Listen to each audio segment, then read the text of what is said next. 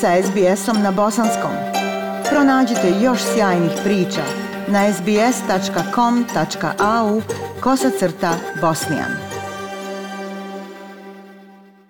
Slušate program SBS radija na bosanskom jeziku. Kabinet Antoni Albanizija službeno je položio zakletvu uz rekordan broj žena i raznoliko ministarstvo. Ali nova vlada će imati tešku bitku, budući da najnoviji podaci o ekonomskom rastu predstavljaju izazov za budžet, a troškovi života rastu. Prilog Krišani Danji. Sve su to bili osmijesi za historijski novi kabinet. Članovi novog saziva vlade su pozirali za svoju prvu grupnu fotografiju ispred zgrade vlade. Ranije su na svečanosti koju je predvodio generalni guverner položile zakletvu rekordnih 13 žena u ministarstvu od 30 osoba, od kojih je 10 žena u kabinetu.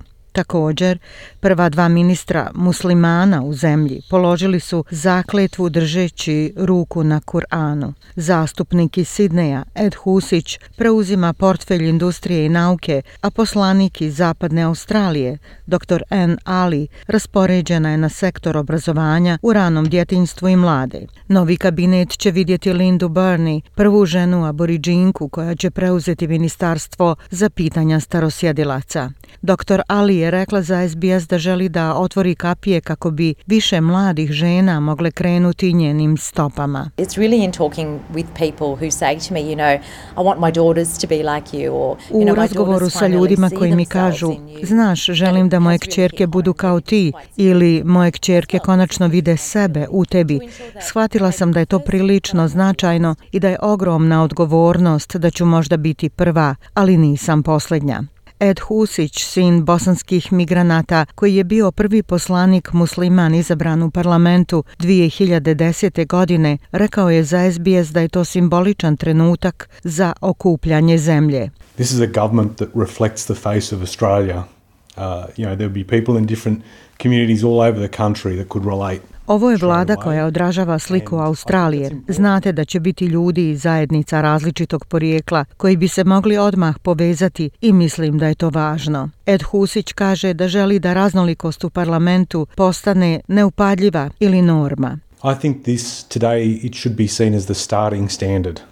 Mislim da ovo danas treba posmatrati kao početni standard. Mislim da će sada vjerovatno biti veći fokus na sastav kabineta i ministarstava i mislim da je to dobra stvar. Uprko s rekordnom broju žena, bilo je kritika da u vodećim ulogama u stranci i dalje dominiraju muškarci. Samo dvije od sedam rukovodećih pozicija unutar partije, predstavničkog doma i senata imaju žene. Međutim, N. Ali kaže da je zastupljenost i rodne različitosti u ovom ministarstvu snažna mjera napretka. It's never going to be enough until we get to 50-50. Nikada neće biti dovoljno dok ne dođemo do jednakog omjera, 50 naprama 50, ali znate da su laburisti na dobrom putu da to urade i mi to demonstriramo i to je važna stvar. Imamo izraženu posvećenost tome. Postoji tvrdnje da je dugogodišnja potpredsjednica iz Sidneja, Tanja Plibersek, bila po strani u novom ministarstvu. Gospođa Plibersek je bila opoziciona glasnogovornica za obrazovanje i žene, ali sada je dobila portfelje za okoliš i vodu. Međutim, zamjenik premijera Richard Miles rekao je za ABC da to nije degradacija. That's the last thing I would see it as. I mean that that might be to je posljednja stvar na koju bih pomislio. Mislim da je možda tako bivša vlada gledala na tu oblast politike, ali za nas je briga o okolišu ispred i u središtu i uvijek je bila u laborističkim vladama. I za Tanju taj sektor je bio izvor trajne strasti, kao i vode. Vlada je održala svoj prvi sastanak. Premijer Anthony Albanizi nepokolebljiv je da će njegova vlada krenuti u akciju. It's a privilege to be here. If we get it right. Privilegija je biti ovdje. Ako to popravimo, možemo biti ovdje dugoročno i zaista promijeniti zemlju na bolje. Bolja budućnost nije bila slogan, to je plan. Njegov ekonomski tim već ima svoj posao.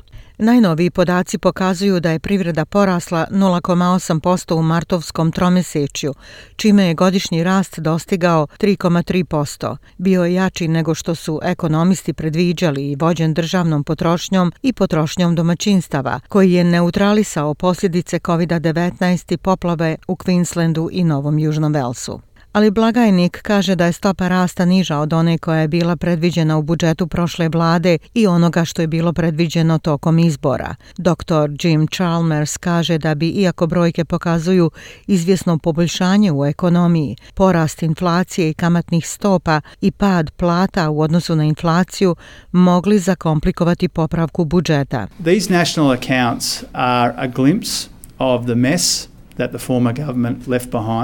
Ovi nacionalni računi su uvid u nered koji je bivša vlada ostavila iza sebe. Možete vidjeti na ovim brojkama, čak i tamo gdje broj na površini izgleda relativno robustan, u mnogim slučajevima je mnogo manje od onoga na što se vlada oslanjala u njihovoj prognozi u budžetu.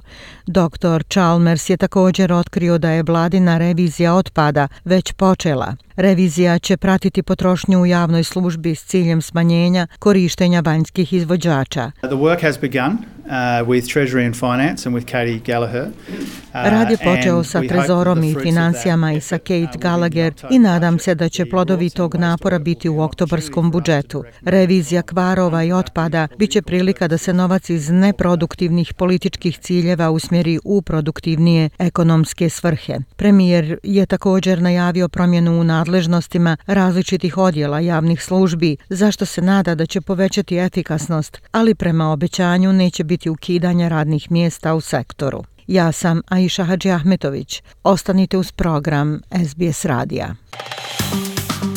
Like, share, comment. Pratite SBS Bosnian na Facebooku.